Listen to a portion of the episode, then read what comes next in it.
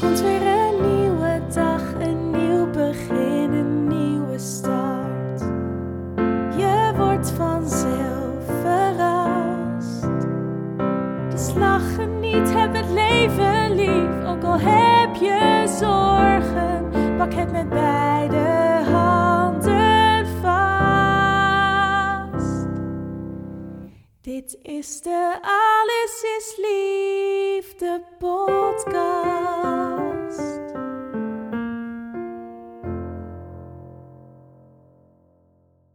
Welkom bij de Alles is Liefde podcast. De podcast over liefde, seks en relaties. Mijn naam is Rianne Roes. Ik ben relatietherapeut en eigenaar van samenalleen.com.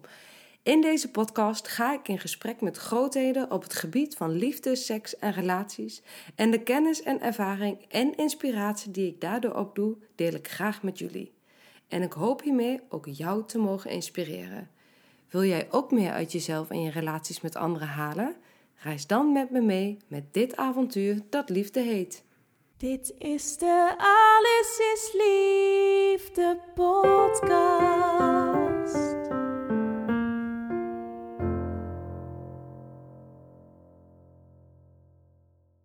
Welkom en wat leuk dat je luistert naar weer een nieuwe aflevering van de Alles is Liefde podcast. Vandaag gaan we het hebben over wat er gebeurt op het moment dat je als koppel samen een kindje krijgt. Ehm, want dat heeft natuurlijk een grote invloed op eh, het partnerschap. Want het partnerschap moet een transformatie maken naar het ouderschap. Je moet samen zorgen voor een kindje en daar eh, horen grote veranderingen bij. Ik zit eh, hier tegenover Alice Roerdink. Zij is seksu seksuoloog en ik ben systeemtherapeut. En samen gaan we vanuit ons vakgebied in gesprek met elkaar om helder te krijgen van... hé, hey, wat gebeurt er nu eigenlijk op het moment dat je samen een kindje verwacht? En wat gebeurt er op het moment dat het kindje er is? Dus Alice, welkom en wat leuk uh, dat we weer hier samen om tafel zitten. Dankjewel, ik vind het ook heel leuk. Ik heb er zin in. Ik ook. Nou, het, uh, het ouderschap. Wij zijn beide uh, ook mama, dus ook ja. ervaringsdeskundige op ja. dit vlak. Um, en ik denk dat als ik voor mezelf spreek, dat het, uh, de, de overgang van het partnerschap naar het ouderschap mij. Het heeft me verbaasd hoe groot die overgang eigenlijk is. Ik heb me dat van tevoren eigenlijk minder gerealiseerd dan toen hem over, overkwam eigenlijk. En dan vanuit je vakgebied of vanuit de hele context? Nee, meer vanuit mezelf. Toen ik echt zelf moeder werd, dat ik dacht, nou, wat, wat is happening? Ja. Want ineens heb je uh, veranderingen in in rollen. Ineens ben je moeder, ineens is je man is, uh, vader. Je hebt een kind wat je moet leren kennen, wat je eigenlijk nog helemaal niet ja. kent. Waarvan iedereen zegt, je gaat meteen ontzettend van, van je baby houden. En ik dacht alleen, het is echt een baby en hoe nu verder? Hè? Ik had ja. nog nooit een luier verschoond, dus dat was in die rol van moeder was ik echt helemaal nieuw. En ook hoe je met z'n tweeën voor zo'n babytje moet zorgen. En dat in de eerste fase is daar zo is daar, ligt daar zo de nadruk op dat je bijna niet meer voelt dat je ook nog een koppel bent. Dat je Ja, ook klopt. nog als partner samen bent. Ja, ik had in één, in één keer zoiets van: oh, we moeten nu in één keer een team zijn, want we zijn eh, samen ouders en we moeten dit samen gaan doen. Ja, Ehm, maar je, je leven wordt zo vergroot en verrijkt. Eh, maar je leven wordt echt letterlijk groter. Omdat je eh, andere mensen, met, met andere mensen te maken krijgt. Met, met een babytje die ehm, van alles vraagt. Waarvan je denkt, oké, hoe gaan we dit oplossen? en hoe begrijp Eh, ik wat hij wil? Ja, ja dat. En, eh, eh, maar ook als ik even te moe was om iets te doen, eh, kan mijn man dan eh, dat overnemen. Dus eh, ook afspraken maken. Eh, het huishouden blijft gewoon doorgaan. Ja, alles loopt gewoon door. Ja, En- Ja, en, maar dan, eh, alles loopt door, maar dan met heel veel dingen extra erbij. ja. En tegelijkertijd voelde ik ook dat het leek alsof je wereld ineens zo klein was geworden.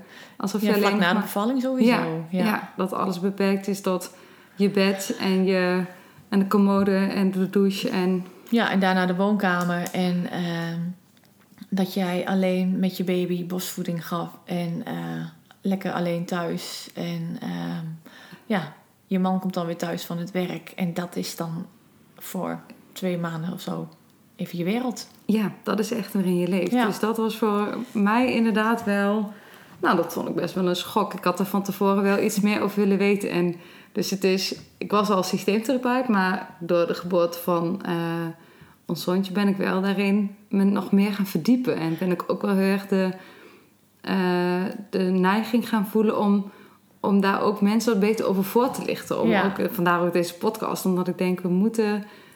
Ja, mensen moeten ook weten dat het gewoon ook echt een grote verandering is. Een Ja, hele leuke Klopt. Ik verandering. vind het ook echt een heel super interessant onderwerp. Ehm, ehm, en wat voor mij eigenlijk de grootste verandering was, en misschien is dat wel een beetje eh, werkgerelateerd, dat eh, de transformatie die ik doormaak als vrouw voor de rela- voor, voordat je zwanger wordt, eh, na de bevalling, dat heeft bij mij heel veel impact gehad. Dat ik mij als vrouw anders voelde. Ehm, ehm, ja, dat. Mijn Ja. gevoel was anders. Mijn lichaam was anders. Dat ik dacht, wow, dat heeft inderdaad wel heel veel impact op mijzelf gehad. En waar, waar heeft het dan de meeste impact op, op zo'n moment? Op mijn zelfbeeld. Ja. op Ik moest mezelf... eh, ik was eigenlijk weer op zoek gegaan dan naar, mijn, naar wie ik was voor de zwangerschap. Maar dat moet je eigenlijk helemaal niet doen. Want ehm, je bent nu in één keer moeder. Je bent, je bent ook een andere vrouw. Dus je moet jezelf opnieuw weer vinden. Ja, En ja, dat vond ik wel pittig. ja, een hele overgang. Hè? Ook Hele overgang. lichaam verandert ook gewoon letterlijk. En Ja, misschien dat jij dat ook beter weet. Hè, van wat gebeurt er eigenlijk allemaal in het, in het lijf? Wat gebeurt er in... eh, ja, wat gebeurt in biologisch opzicht allemaal met het vrouwenlichaam... op het moment dat zij een eh, kindje... een kindje krijgt. Nou ja, het begint natuurlijk al bij de zwangerschap. Ja, Daarin gebeurt er hormonaal al heel erg veel. Eh, maar ook je lijf. Eh, in die negen maanden verandert je bekkenbodem. Eh, na de bevalling verandert je bekkenbodem. Ehm, ehm, ja, je komt natuurlijk aan, je wordt dikker. Je hormoonhuishouding verandert. Ehm, je figuur verandert. ja, de verhoudingen in je figuur veranderen, Veranderen ook. hè? ook. Ja, sommige vrouwen hebben ook last van hun gewrichten die, die na de bevalling eh, anders aanvoelen of veranderen. Het is natuurlijk wel heel erg persoonlijk al. Bij iedereen is het echt wel anders. Ehm, de zin in seks verandert. Ehm, dat is ook bij iedereen verschillend. Ehm, en na de bevalling is alles weer anders. Ook geef je wel borstvoeding of geef je geen borstvoeding. Dat verandert. Ja, ook, doet ook al iets met je lijf. Ja, ja, er gebeurt zoveel. Eh, op het moment dat je, eh, dat je baby is geboren en je hebt gebroken nachten, doet het ook iets met je, met je vermoeidheid. Eh, dat stapelt zich op. De een kan beter tegen gebroken nachten dan de ander. ja. Dat is pittig. Ehm, Ja, je zit echt dan, hè, als je dat, die slapeloze nachten, dat je. en dan moet je ook nog blijven communiceren met elkaar. Ja. Dan moet je ook nog als partners en als ouders met elkaar overleggen van, goh, wat gaan we nu doen? Of eh, ook alleen al de zakelijke dingen. Maar ik kan me voorstellen, als de vermoeidheid zo je parten speelt en je hebt een huilende baby op de achtergrond, dat ook alle alle eh, beleefdheden en alle jus van de communicatie verdwijnt. En dat het vooral echt staccato is van, oh, doe je dat? En heb je, heb je niet schoongemaakt? Of heb je... Nou ja, ik, ja, de ruimte om netjes te communiceren, eh, ja, die is, is even weg soms. En soms ben je ook gewoon wat sneller geïrriteerd. Ja, Ja, dat zul je in een relatie dan moeten zien op te vangen. ja, ja. ja. Dus je zegt eigenlijk gebeurt er ook hè, in biologisch opzicht. En dat is natuurlijk ook te verwachten, want je ziet het ook aan zwangere vrouwen. Die zien er gewoon anders uit. Ik had zelf echt van die mega Zumba-lippen bijvoorbeeld. Oh en ja? je, je, het wordt, je lichaam wordt een beetje overgenomen of zo. Door, ja. Door En- hormonen en ja. ja. door, door wat de baby nodig heeft. En ik, ja, dat is, een, dat is natuurlijk heel mooi. Ehm, maar je moet het niet onderschatten. Nee. nee. En is het dan belangrijk dat mensen dat... Want je zegt eigenlijk, hè, het is voor iedereen ook wel heel verschillend hoe ze daarop reageren. En is het dan vooral ook weer het codewoord communiceren... op de momenten dat je wel even met z'n tweeën eh, tijd hebt... en om rustig te praten, dat je benoemt wat je voelt... Ja. of dat je benoemt hoe het voor jou is. In Of- seksologisch opzicht is dat sowieso heel erg belangrijk. Omdat er ook eh, seksueel gebied, op seksueel gebied zoveel verandert eh, na een bevalling. En bij het hebben van kinderen. Ja, eh, dat communiceren nog belangrijker wordt. Want eh, je partner kan gewoon niet aanvoelen hoe jij je, je, hebt het zelf, je kan zelf niet eens bedenken hoe je je voelt na een bevalling. Laat Ja. staan je partner. Dus eh, ja, betrek hem erbij met wat je voelt, waar je onzeker over bent. Je lichaam is totaal veranderd. Er is, eh, bij een natuurlijke bevalling is er een baby eh, door je vagina gegaan, door je scheden. En ehm dan moet je na tijd gewoon weer heel leuk seks mee hebben. Ja, dat kan best wel eens even een dingetje worden, de eerste keer weer seks. En maak dat bespreekbaar. Ja.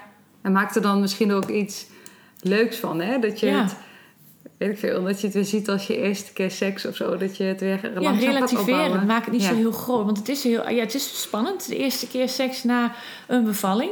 Eh, van hoe voelt dat? Hoe is dat? Eh, eh, hij vindt dat net zo spannend als jij. Ja, dat denk ik ook. Ehm, En ehm, eh, ja, maak dat luchtig. Ja. Want het hoeft, niet, het hoeft natuurlijk niet meteen perfect te gaan. Dat slaat helemaal nergens op.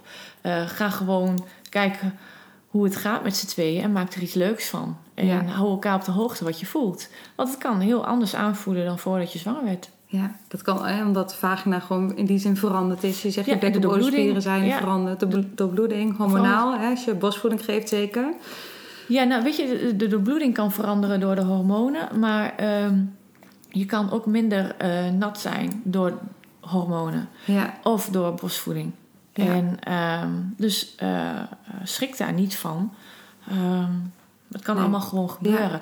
En ehm, heb ook niet te snel seks na bevalling. Je moet sowieso zes tot acht weken eh, wachten. Je mag niet meer bloeden Nee. voordat je seks hebt. En daarna kun je rustig aan weer proberen. Maar het, het is geen moeten. En dus voel je bij jezelf wat goed voelt. ja, Eh, en het is echt niet na acht weken weer normaal. Acht weken Nee. na de bevalling. Het, je, je lichaam is pas weer redelijk de oude van voor de zwangerschap na een jaar pas. na een jaar. Ja. Jeetje. ja. En Ja. dan, na een jaar pas, krijg jij ook gewoon weer het, het, het zelfvertrouwen van... hé, hey, ik voel me weer een beetje meer mezelf. Of ik voel me weer wat meer vrouw en niet alleen maar moeder.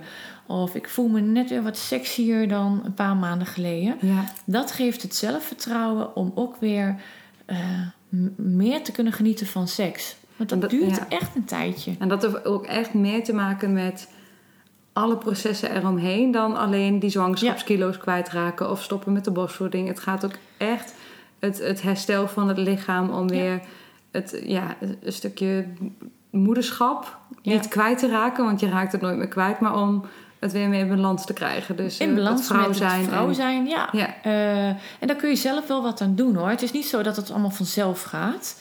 Eh. Dus als je een jaar wacht en in één keer is het er weer. Nee, je moet in dat jaar wel ermee bezig zijn. Ehm, eh, als jij je alleen maar moeder voelt, ga dan een keertje lekker winkelen en, en ehm, eh, eh, weet ik veel, koop een, een mooi lingerie setje voor jezelf en laat dat aan je partner zien. Weet je, probeer je weer sexy te voelen. ja, Dan probeer je niet alleen maar moeder te voelen. ja. Dat zijn allemaal dingen waar je wel aan kan werken in dat jaar al. En Jezelf echt wel blijven verzorgen eigenlijk. Hè? Want dat Ja. is natuurlijk wel echt... dan- Nou, dat herken ik ook al van mezelf. Dat je, als het allemaal al zoveel is... dan heb je ook niet zin om elke keer je haren mooi te doen... of eh, Nee. mooie kleren aan te trekken. Dan ben je al lang blij dat, eh, Dat je iets dat je een trainingsbroek uit de Ja, kast dat, hebt je- dat die getrokken. pyjama uit is, ja.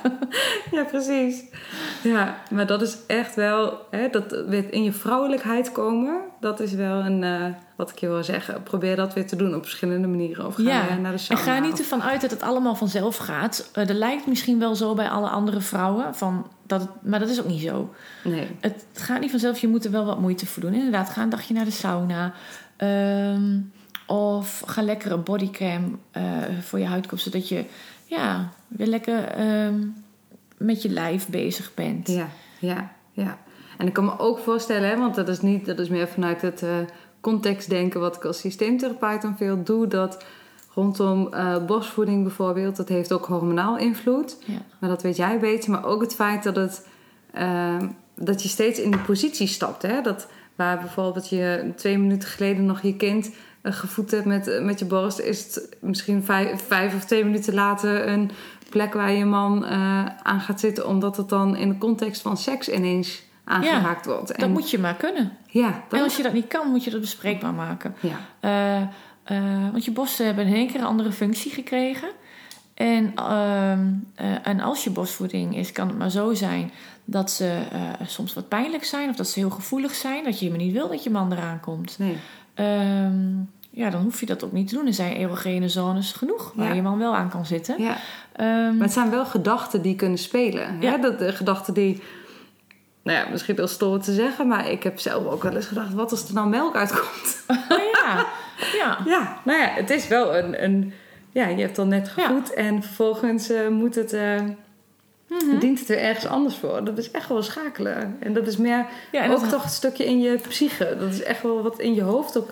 ja, dat heeft Ja. op zich ook weer invloed op eh, hoe je, ja, waar je hoofd zit tijdens het vrije. Ja, Je hoofd zit dan in één keer weer toch weer bij die lekkende borsten of Ja. bij eh, de baby. ja. Want seks is dan echt een plek waar je naartoe moet gaan. En niet iets Ja. wat je doet. Het is Nee, echt klopt. een plek om heen te gaan. Als je eh, ouder bent geworden en moeder bent geworden en je, je gaat weer seks hebben, dan is het vooral bij vrouwen toch wel een bewust proces van uit je hoofd gaan.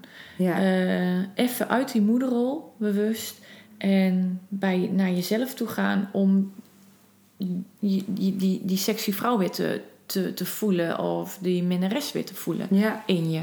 ja, Ehm, even het moeder zijn of eh, de baby uitschakelen in je Ja. hoofd. ja. En al de gedachten eromheen uitschakelen. En dat wordt ook hoofd- wel echt beter, vind ik hoor. Dat op Naarmate- naarmate, als je noemt dat jaar.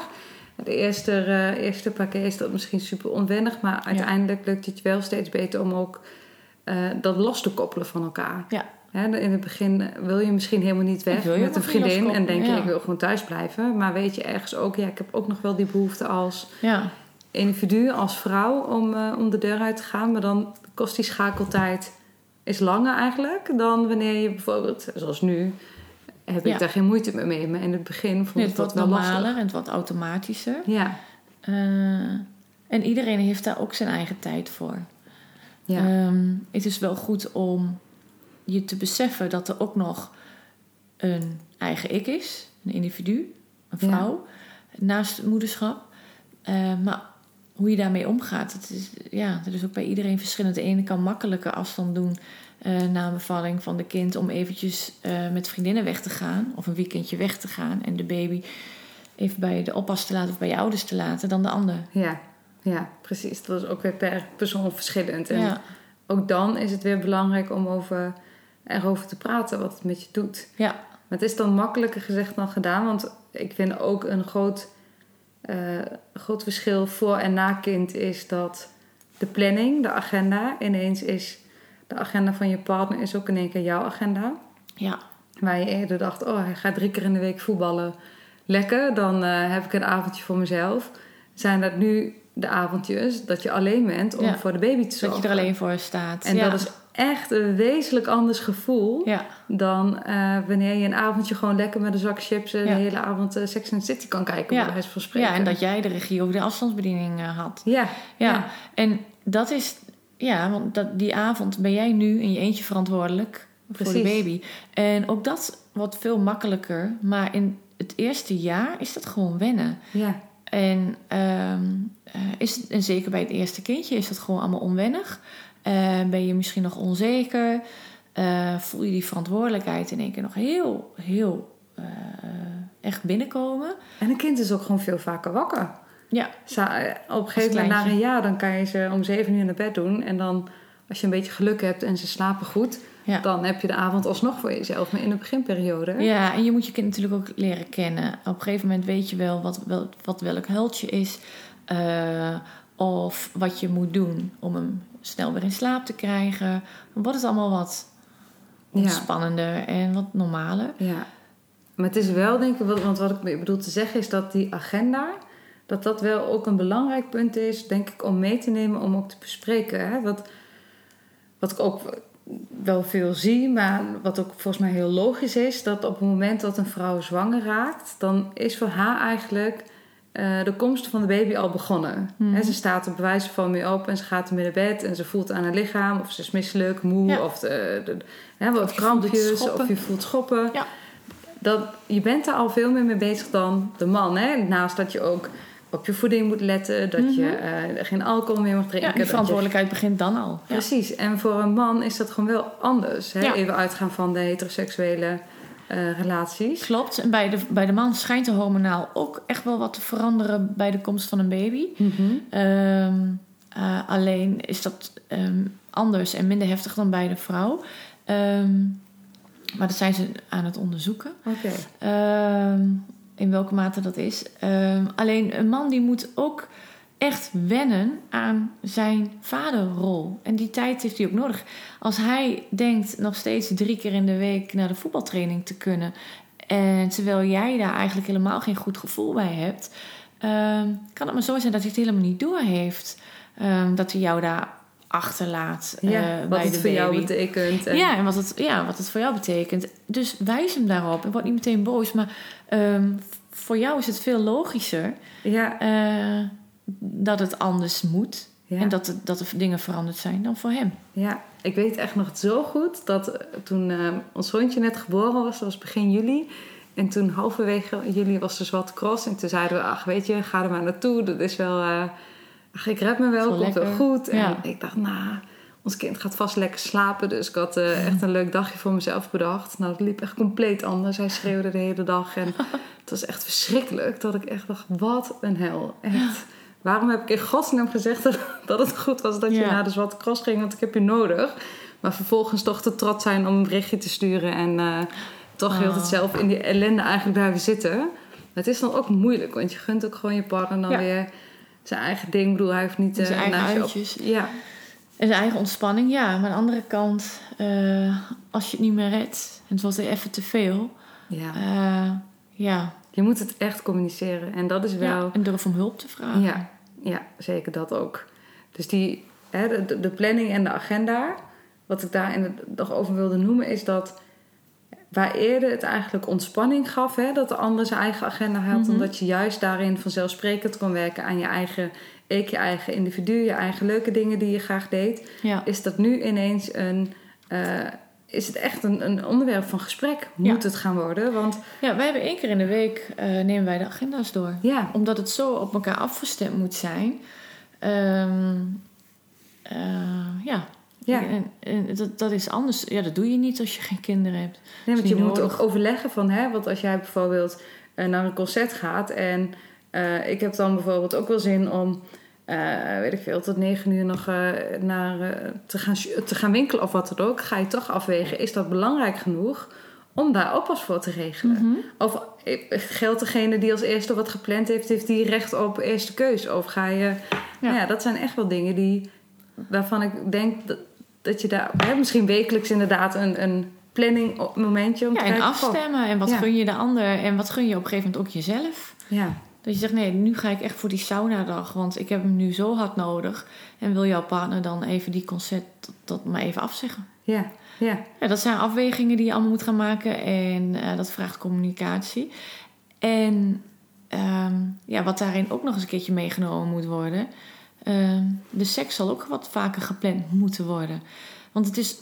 Ja, wat, wat, wat ik echt vreselijk vind als je dan zo'n dag hebt... ehm, wat jij net noemde. Je man is de hele dag weg. En de baby heeft de hele dag gehuild. En je bent helemaal op. En hij komt dan eindelijk thuis. En dan is hij stil. En dan wil je man ook nog seks. Ja. Ja, dan weet ik niet waar ik het vandaan moet halen. Dat ik alleen al denk, hoe durf je te vragen? ja, ja, Hoe- nou, dus als je die zin uit zo ver weg moet halen... ehm, dan is het eh, goed om daar ook eens over na te denken. Wanneer dan wel? ja, En wat is een goed moment voor ons beiden? ja, En eh, wanneer heb ik de rust om mij dan over te geven aan een lekkere vrijpartij? ja, precies. En dan heb je ook weer wat je zegt, even dat overgangsmoment nodig. Hè? Ja. De ene vrouw misschien meer dan de andere. De ene kan het misschien met eh, vijf minuten even Ja, schakelen. En de Ja. ander wil echt even voelen van, oh, ik ga even douchen. Ik wil dat alles even helemaal spik en span is. En, ja eh, of eh, vandaag helemaal niet meer. nee, Dat nee, kan ook. Dat kan ook, ja. Ehm, eh, maar ehm, om het helemaal niet te doen of te wachten totdat het weer spontaan gebeurt. ja, ehm, ja, dan kun je wel heel lang wachten. Ja, Eh, want die spontaniteit met een baby is er wel een beetje af. En Ja. dat moet je niet heel zwaar gaan maken of heel negatief. Ehm, eh, dat is er gewoon even niet. nee. En als het er wel is, nou maak er vooral gebruik van en geniet ervan. Van Ja. zo'n spontane seks. eh, het is niet partij. verboden. Nee, het is zeker niet verboden. En ehm, ehm, ja, pak dat moment. Ja, Maar als het niet gebeurt, is redelijk normaal. Maar Ja. ga het dan wel plannen. ja. Want in dit geval geldt ook wel weer... if you don't use it, you lose it. ja. Dan is er op een gegeven moment helemaal niks. Dus je moet daar echt wel een beetje voor werken. Ja, het komt En- niet vanzelf aanwaaien. En Nee, ook als nee, je... je moet het plannen en je moet zelfs gewoon soms een beetje zin maken bij jezelf. Dus weet van jezelf waar je eh, seksueel verlangen van krijgt, waar je eh, opgewonden van wordt. Ja. Hou het onderwerp in ieder geval op een bepaalde manier warm. Ja, Hè? Letterlijk en figuurlijk. ja, ja inderdaad. Dat je van jezelf weet van... Goh, misschien heb ik in het begin een filmpje nodig. Ja, of, daar word ik eh, warm van Ja. en hou het warm. Ja, ja. Ja, dus dat, hè, dat, dat- ja, daar moet je gewoon echt wel meer tijd voor maken. En soms... Want daar hadden we in de vorige podcast ook over. Zin maken is niet tegen je wil in seks hebben. nee, Maar het is ook van jezelf weten eh, dat je naar die plek toe gaat. Ja. Hè, als je seks ziet als een plek waar je naartoe gaat, is het, moet je daar ook moeite voor doen. Als ik een dag wil winkelen in Ja. Amsterdam, moet ik Ja. daar ook moeite voor doen. ja. Hè, niet dat ik seks wil vergelijken, Nee, maar dan moet je wel moeite doen om naar om Amsterdam daar te komen. Ja. Ja. En verwacht niet dat Amsterdam naar jou toe komt, want dat Nee. gaat nooit gebeuren. Ja, precies. Leuke vergelijking. Ook Amsterdam meteen, hè? Nee, dus dat, ehm, ja, dat, dat, dat is wel echt belangrijk om eh, bij stil te staan. Dat ook de seks iets is wat, nou, wat gewoon verandert. Dus naast dat, het, eh, dat je het meer moet gaan plannen, is, is er ook de vermoeidheid die Ja. het vaak mee te maken heeft. Denk ik dat je minder zin hebt om eh, spontaan seks te hebben. Maar als je maar weet dat het gaat gebeuren, dan, Ja. en dat, dan past dat een beetje in de planning. Ja. Hoe onsexy dat ook klinkt. En het is niet alleen, ook de, het is niet alleen de vermoeidheid. Het is ook eh, soms... Het kan zijn dat de eerste zes maanden de baby nog bij je op de kamer slaapt. Ja, Ehm, en als jij dan denkt, ja, de baby slaapt bij ons op de kamer, we kunnen geen seks hebben. eh, ja, daar kun je ook iets creatiever mee omgaan. Ten eerste zou je seks kunnen hebben terwijl de baby er gewoon bij is. Mhm. Eh, want die weet echt niet wat het is. En vaak worden ze ook niet eens wakker van. nee. Eh, als je, ja, want als je seks hebt gehad terwijl de baby nog in je buik zat, heeft hij er ook niet echt heel veel last van gehad. Nee. Ehm, maar je kan ook zeggen van nou, we doen het bedje heel even op de logeerkamer. Of we zetten het even ergens anders neer en wij gaan gewoon even lekker genieten van elkaar. Ja. ja. Want dat is eh, ook echt wel belangrijk om je man weer te zien of je Ja. partner. Om die weer te zien als partner en te voelen. En eh, hem die, die aantrekkingskracht van je eigen man weer te voelen. Ja. Ehm, ja, dat is wel wat je zegt. Dan denk ik, oh ja, dat, dat voelen. Dat hij is niet alleen ja. de vader van Ja. je kind. Hij is ook de man waar jij verliefd op bent geworden. Ja, En dat moet niet verdwijnen eh, als je in die ouderrol gaan zit, gaat Ja. zitten. Daarom is echt wat, echt wat echt een grote don't is, is eh, elkaar papa en mama gaan noemen als Ja. er een baby is. ja, Want je bent niet alleen maar papa en Nee. mama. Je hebt geen seks met papa en mama. Je hebt seks met je partner en Ja. niet met eh, een ouder. nee, liever niet. Nee. Nee, nee dat is wel. En dan, en ja, dat je eigenlijk waar we mee begonnen, dat je zoveel rolveranderingen hebt. Hè? Je bent Ja. nog steeds het individu, maar je bent ook nog als partner samen. Ja. En met de komst van de baby ben je ook met z'n drieën, of als het een tweeling of drieling is, vier Mhm. en vijven. Je bent een gezinnetje, maar de Ja. baby is een individu. Vervolgens ben je als eh, partners, ga je de transformatie naar ouderschap maken. Dus ook in het ouderschap moet je iets met elkaar. Ja. Plus dat je ook nog als moeder met het kind en als vader met het kind een relatie gaat opbouwen. Ja. En soms denk ik wel eens, hoe dan in 24 uur per dag? Want Ja. toen je nog een baan had en een individu was en samen was, Ja. had je soms al, tenminste, waren Ja. er toen wel eens tijdgebrek dat we dachten, oh ja, we moeten echt even tijd voor elkaar maken. Ja. Maar met de komst van een baby krijg je zoveel rollen erbij, Ja. dat, ja, dat ik wel geloof dat eh, dat stukje individu en een stukje partnerschap, juist doordat de baby zo'n impact heeft, dat dat ja, Behoeft aandacht. ja, het heeft aandacht Ja. nodig, want het Ja. is zo gemakkelijk te vergeten of zo. Of Ja. je kan zo makkelijk denken, oh ja, maar daar zit het wel goed. Ja. Terwijl als je daar het verwaarloost, wat je mooi zegt, if you don't use it, you lose it. Dat is natuurlijk voor het partnerschap ook. Het, de aantrekking voelen, eh, eh, eh, de, het, het vriendschappelijke voelen, maar ook Ja. de seksualiteit. En met z'n tweeën in een kroeg zitten en een biertje drinken en denken, En lol oh ja, hebben gewoon weer. ple- plezier. Ja, Als volwassenen en niet als opvoeders van eh, dat kleine wormpje wat in de wieg ligt. En een keer een goed gesprek met z'n tweeën bij een etentje kan, kan ook al super opwindend zijn. En een diepgaand gesprek. En niet over de opvoeding, maar eens een keertje over wat anders. Ja, precies. Eh, over wensen, over dromen ja. voor de toekomst, Ja. over... Ja, eigenlijk over van alles. Maar inderdaad, zeker niet zo'n avond steeds maar vertellen over hoe schattig jullie kind is. Nee. En dat is wel heel verleidelijk. Want eh, zeker als, eh, ja, als, als pasgeboren ouders Ja, is het, is niks leukers dan over je baby Ja. te praten. Want je bent zo verliefd op het kind. Ehm, maar het besef is heel belangrijk dat er ook nog een andere, een, een andere rol is. ja, ja, ja. Ja. Het is zo overweldigend, het ouderschap, dat je bijna vergeet dat je ook nog een individu bent, een vrouw of een man. En ik denk dat mannen over het algemeen het wel iets beter lukt om het individuele stuk eh, overeind te houden. Want dat spreekt misschien meer over wat ik in mijn omgeving zie. Die hebben toch wat sneller nog weer dat vrienden elkaar opzoeken. En eh, Ja. dat, bij de, hè, dat als de vrouw zwanger is, dat merk ik nu, is gewoon best wel heel veel mensen in de omgeving, vrouwen zijn zwanger of mensen verwachten een kindje. Dat, bij mijn man zie ik, nou dat wordt een beetje medegedeeld in de groepsapp en Ja. eh, er wordt nooit meer over gesproken. Tot Ja. negen maanden later, hoera, die is geboren. En bij vrouwen gaat het eigenlijk veel meer over de details. Van, oh, ik voel me zo, ze voel me zo. Ja, we hebben al gedacht over namen. En Ja. ik heb het idee dat mannen daar... En ze voelen het ook minder in het lijf. Hè? Ja, nou, het is niet voor niks dat mannen van Mars komen en vrouwen van Venus. Dat is gewoon zo. Wij zijn daarin gewoon anders. ja, ja. Eh, en mannen kunnen makkelijk, denk ik, op de zorgtaken heel even parkeren bij de oppas. En zelf eh, voor zichzelf kiezen en voor hun vrienden kiezen. En eh, een avondje doorzakken. Ja, maar wel Terwijl- ook, want het is niet zo dat mannen dan, wat ik zie en merk en ervaar, dat ze dan niet het kind missen, maar dat ze meer de noodzaak ook wel voelen van, ja, maar kom op, we hebben ook gewoon nog een eigen leven en ook nog de dingen die we zelf leuk vinden. En heus als je s'avonds een keer samen uit bent, dat je, dat je zegt, oh, zou die al slapen? En dan snel weer, ja, komt ook goed en dan weer Ja. door of zo.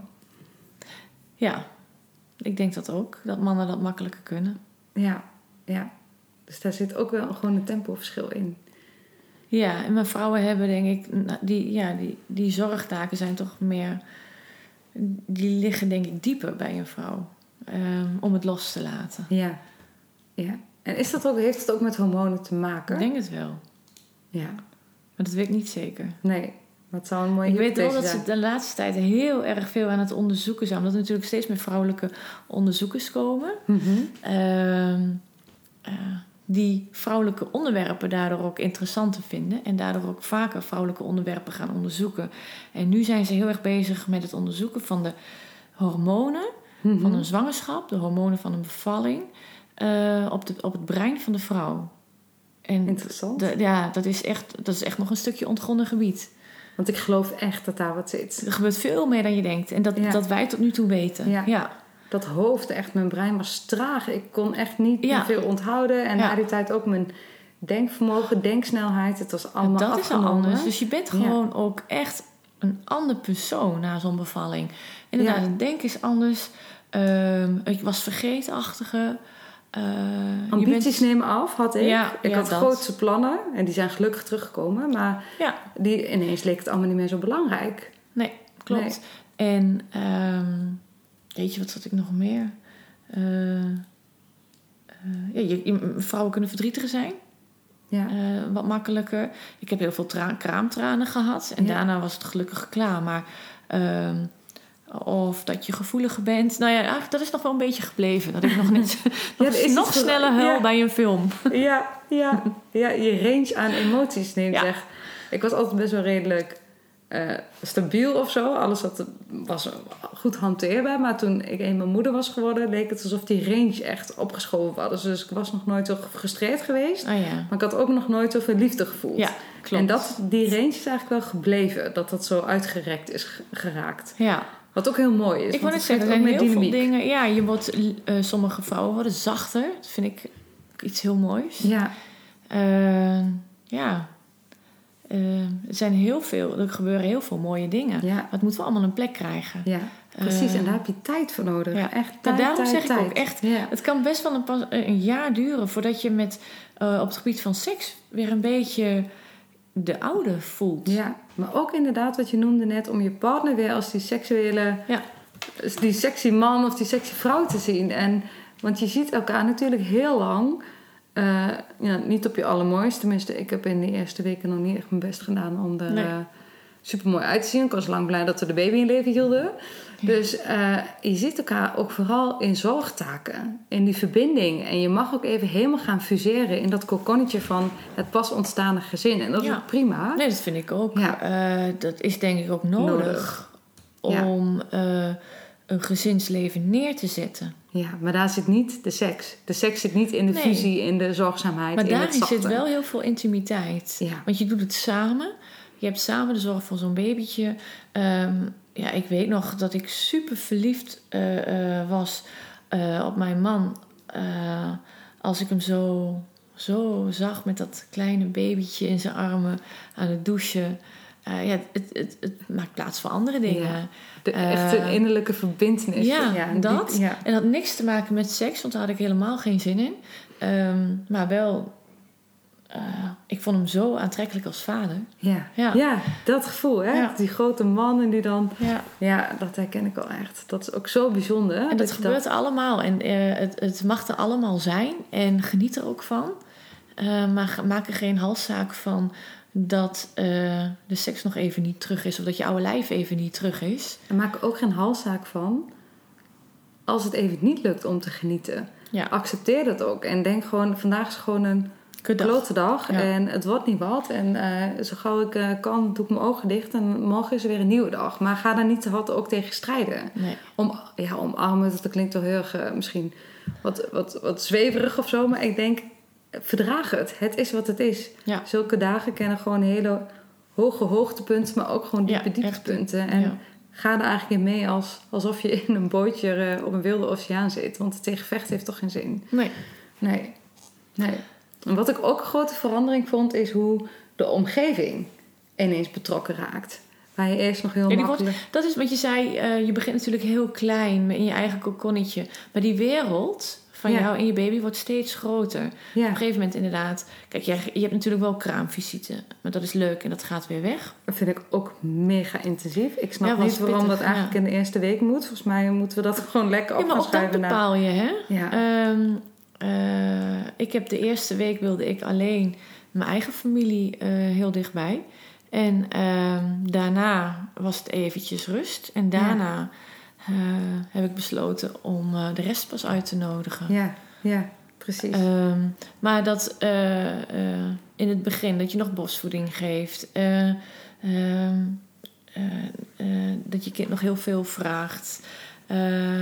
Eh, eh, heel tijd slaapt, afgebroken met wakker zijn. Dan is je wereld nog zo klein. Maar die wereld wordt elke maand een stukje groter. En elke maand komen er nieuwe mensen bij. ja. Eh, Ja. En het, voor de eerste keer naar het consultatiebureau. Ja. Wat een dacht ik, hoe moet ik met die baby in de auto? Hoe moet ik dat in godsnaam doen? Ja, hoe kom ik ooit op tijd? Echt een uur van Ja. tevoren al je Ja, echt alles al klaarzetten. En nog moet je haasten om op tijd te komen. ja. Ja, ja. Heerlijk. En dat wordt steeds normaler en het, die wereld wordt steeds groter. Ehm, er komen mensen bij. Je gaat verder van huis. ja. Vaker van huis. Dus ja, Je vergeet eens een keer wat. Want in het begin heb je nog net geen afvinklijstje. Maar neem je bijna voor... eh, alles mee. En ja, neem je nog net niet de hele, eh, de hele wieg mee. Maar Ja. het scheelt niet veel. Er zit echt een... nog Ja. net geen backpa- ba- backpack met spullen die je inpakt voor de kleine. En je denkt het allemaal nodig te hebben. Maar langzaamaan breidt het uit. Maar ik vind het ook wel in de familierelaties... dat de, de relatie met je eigen ouders... de relatie met je schoonmoeder in mijn geval... Mhm. eh, dat gaat allemaal veranderen. En in mijn geval kan ik gelukkig zeggen dat het heel erg positief heeft uitgepakt. Maar ik kan me ook voorstellen dat bijvoorbeeld patronen die al langer onder, onder, onder water speelden... Ja. En die prima eigenlijk nog in de, in de, eh, in de situatie waarin er geen kinderen waren, prima te hanteren waren, maar met de komst van een kindje, Ja. dat het ineens alles op scherp. Precies. Klopt. Dat alles blootgelegd Ja. wordt en dat ineens ja, dat, je, dat je moeite krijgt met opmerkingen van bijvoorbeeld eh, je, schoon, eh, Ja. je schoonouders. Of Of die iets je, ergens van vindt. Ja, ja, of dat je je op je vingers getikt voelt door je eigen moeder. Die zegt, oh, maar zo moet je dat ook niet doen. En nou, er komt Ja. ook wel veel onzekerheid bij kijken, omdat er ook zoveel meningen zijn van de Onzekerheid omgeving. en frustratie en misschien wel verdriet. Ja. Eh, maar heel vaak gebaseerd op verwachtingen. Ja, En eh, dat jij van je schoonouders be- ja, bepaalde verwachtingen hebt. eh, hoe zij naar jouw kind doen of naar jou doen. eh, en dat, dat, dat niet waarmaken. En daarin is communiceren ook echt wel weer erg belangrijk. ja, ja. Zij kunnen niet weten wat jij verwacht van hun als schoonouders. Eh, misschien vroeger wel toen er nog geen kind was. Maar nu zijn die schoonouders in één keer ook opa en oma. Het is, En gaat ineens over in een- familie. Ja, zitten ze in één keer in een andere rol. Ja, En eh, wat jij van een opa en oma verwacht. ehm, en hoe zij vroeger hun eigen kinderen hebben opgevoed. Is weer anders dan hoe jij het zou doen. En als je dat niet bespreekbaar maakt, kan dat zorgen voor heel veel irritaties. En voor eh, onuitgesproken, ja, nare dingen die kunnen gaan. ja. Je kan ook kampen, hè? dat gevoel van als jij iets dan iets negatiefs over schoonouders zegt en jouw partner vindt dat heel lastig om te horen, die zegt: hé, hey, maar zo praat jij niet over Ja. mijn ouders. Dat je Ja. als partners heel erg tegenover elkaar komt te staan. Ja, wij hebben de afspraak wanneer er iets met mijn schoonouders is wat mij niet aanstaat, vertel ik het tegen mijn man. En Ja. hij praat met zijn Ja. ouders. Precies, en dat is denk ik En ook hè, ja, de weg die, die kloppend, hè, ja, wat ook, dan heb je het over een ouder-kindrelatie die is zo anders dan een eh ouder-schoon, schoonkind, bestaat niet, maar schoondochter, schoonzoon relatie. Ja, Dat is gewoon heel, dat is, daar spelen andere loyaliteiten. Maar goed, dat is ook misschien voor een andere dat klopt. podcast. Maar het heeft, ja, eh, weet ik, maar het heeft wel invloed eh, op de relatie. Hoe jouw, jouw ouders en schoonouders zich met het gezinsleven van jou gaan bemoeien of niet, Ja. eh, heeft effect op jou en je partner.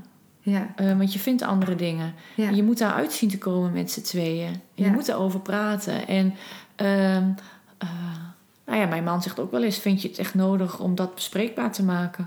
Dat ik denk: Nee, eigenlijk ook niet. Weet Nee. je, choose your battles. dat je het filtert en dat bepaalde Ja, dingen wel vond ik een hele belangrijke tip. Is echt alles nodig om, eh, om er een issue van te maken? En dat gaat niet meer met kinderen. Nee, daar heb je. Nee, Dat er is al genoeg. Moet je het ook Dus, maar verlaten. Ja, laat het maar lekker zo. eh, en ja, mensen zijn gewoon verschillend. ja. En, maar dan heb je met een kind eh, in één keer veel meer mee te maken. Met andere meningen, met andere visies. precies. Dan zonder kind. Ja, dat is echt. Maar- Ja, en inderdaad, stel dat... Want er gaan heel veel mensen zich in één keer met jouw kind bemoeien... of met je opvoeding bemoeien. Ja. Nou, dan moet je stevig staan. Zelfs Eh, mensen op straat. Ja, oei. Ja, dat is echt toch dat je aangesproken wordt. Of dat het kind, eh, weet ik veel, dat ze vinden dat hij ehm, te, te koud gekleed is. Of dat je, dat je hem te vrij laat. Of dat hij op een fiets zit en ze vinden Ja. dat het gevaarlijk is. En, Of ja, dat hij nog pindakaas op zijn wang heeft. Nou, zoiets. of dat hij überhaupt pindakaas krijgt. Ja. Geef je het kind pindakaas? Nou, ja, hè, dus er zijn zoveel meningen mee gemoeid ook ineens. Iedereen lijkt soms wel, vind ik. En het wordt nu wel minder gelukkig. Maar vooral in de babytijd. Alsof iedereen vindt dat hij wat mag zeggen over jouw baby. Ja. Terwijl je bent nog zo kwetsbaar. En je bent nog zo Je bent zo zoekende. zoekende, en ja. het is, je bent ook onzeker. En dat is helemaal niet Maar erg. volgens mij maar- heeft elke moeder ook het recht om eh, zelf eerst uit te zoeken... en om zoekende te zijn eh, hoe zij het wil. Ja. als moeder. Want je moet je eigen rol gaan neerzetten en die moet je zelf bepalen. En dat, als je dat laat opleggen door een ander, dan ja, word je straks je schoonmoeder. Dat wil je ook niet, Nee, denk ik. precies. Hè, dat is echt een zoektocht. Dus ik denk dat we eh, overal kunnen zeggen dat, het, eh, dat de transformatie van partnerschap naar ouderschap een flinke rollercoaster is. En, ehm, en dat het niet erg is, dat dat erbij hoort. Dat het met hoogtepunten gaat, maar ook met dieptepunten gaat. En laat het op je afkomen. En als het echt niet lukt, kun je er altijd hulp bij Ja, dat is inderdaad nog zo. En dat is ook op, op seksologisch gebied zo. eh, dat wanneer je langzaamaan wel weer gaat vrijen. eh, het, gaat dan in kleine, in kleine stapjes ga je steeds meer dingen doen die, die je fijn vindt. Je zoekt een nieuwe weg met je partner. Ehm, Eh, eh, maar heb je pijn of doet het pijn? Ehm, seks mag natuurlijk geen pijn doen. Nee. Eh, dus doe dan een stapje terug. Dan ga je of te snel. Ehm, misschien ben je wel eh, te droog. Dat kan eh, het eerste jaar nog echt door hormonen komen. Ehm, ben je wel opgewonden, maar je vagina is toch nog heel erg droog. Gebruik dan glijmiddel. En ben je überhaupt heel erg droog, vraag je dan af of je wel opgewonden genoeg bent om te vrijen. Of moet je nog opgewondener raken. Ja. Eh, dan kun je daar wat aan doen. Ehm, maar vrijen mag geen pijn doen. En eh, doet het wel pijn of blijft het pijn doen, dan kan het zo zijn dat een bekkenbodem fysiotherapeut iets kan doen. Of dat je even langs de huisarts moet. Mhm. Ehm, ehm, en even kijken, ja, het is ook eh, als, je, als je vast blijft zitten in het geen zin hebben en je weet niet hoe je daaruit moet komen, dat je gewoon geen verlangen eh, hebt in, in vrije. Mhm. En je wil wel, je partner wel, maar jullie komen er samen niet uit, zoek dan ook hulp. Ja. Daar zijn seksologen voor, er zijn eh, huisartsen voor. Ehm, ja, daar is echt wel hulp voor te krijgen. ja, Ja.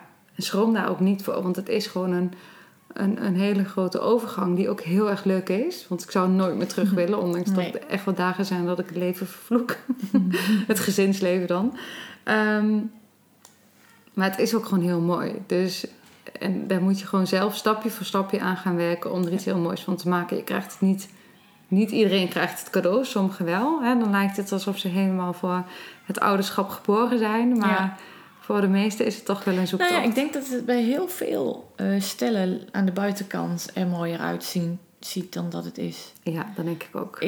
Het is, het is gewoon best pittig, eh, een kind. En heel veel mensen willen de perfecte opvoeding. Nou, die bestaat al niet. Maar eh, je wil het zo goed mogelijk doen voor je kind. Ja, Eh, eh, en die druk, ja, die leg je dan jezelf op. Maar je wil het ook zo goed mogelijk doen als partner. ja, En als Ja. minnares. ja.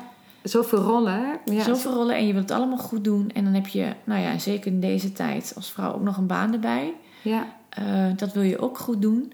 En daar had ik zelf heel veel last van. Dat ik dacht, jezus, ik wil zoveel goed doen. En ik doe alles nu maar half, Half. of 75 procent. voelt alsof je overal tekort schiet. Ja, wat Ja. je dan beter kan doen is inderdaad weer die agenda pakken. En zeggen, deze week kies ik voor mijn kind. Deze week kies ik voor mijn partner. Of deze dag. Deze dag of dit weekend eh, kies ik even voor mezelf. Echt bewuste keuzes maken en dat ook afstemmen en plannen. En vooral soms is het plannen... Echt, we kunnen er volgens mij nog uren doorpraten. Mhm. Maar het plannen is soms zo ingewikkeld dat je denkt... oh, dan moet die oppassen en dan moeten we ophalen... maar die moet dan weer daarheen. En dan, Ja. Maar doe het wel. Ga Ja. het doen. Want het is soms echt heel veel werk. Dat je denkt, laat maar, we blijven lekker thuis. Maar doe het alsjeblieft wel. Want het zijn zulke waardevolle momenten om- Inderdaad. En vraag ook je vriendinnen van hoe doe jij het? Want ook bij je vriendinnen lijkt het soms alsof alles eh, helemaal gladjes verloopt en soepeltjes verloopt. En dan hebben mijn vriendinnen er allemaal nog drie. Ja. En dat ik denk, oké. Eh, en het lijkt allemaal heel erg makkelijk. En dan, oh, maar vraag ze, want ook bij hun is het allemaal niet. eh, ik heb ooit een vriendin gesproken die dacht: En nu krijg ik een postnatale depressie, dat kan niet anders. En de volgende dag was alles weer goed. Maar soms Ja. is het even gewoon even heel zwaar. En ehm, eh, praat erover, want dat lucht ook op. Ja, precies. Ja. Maak er niet een eh, geheim van. Nee, het is Dus, pittig.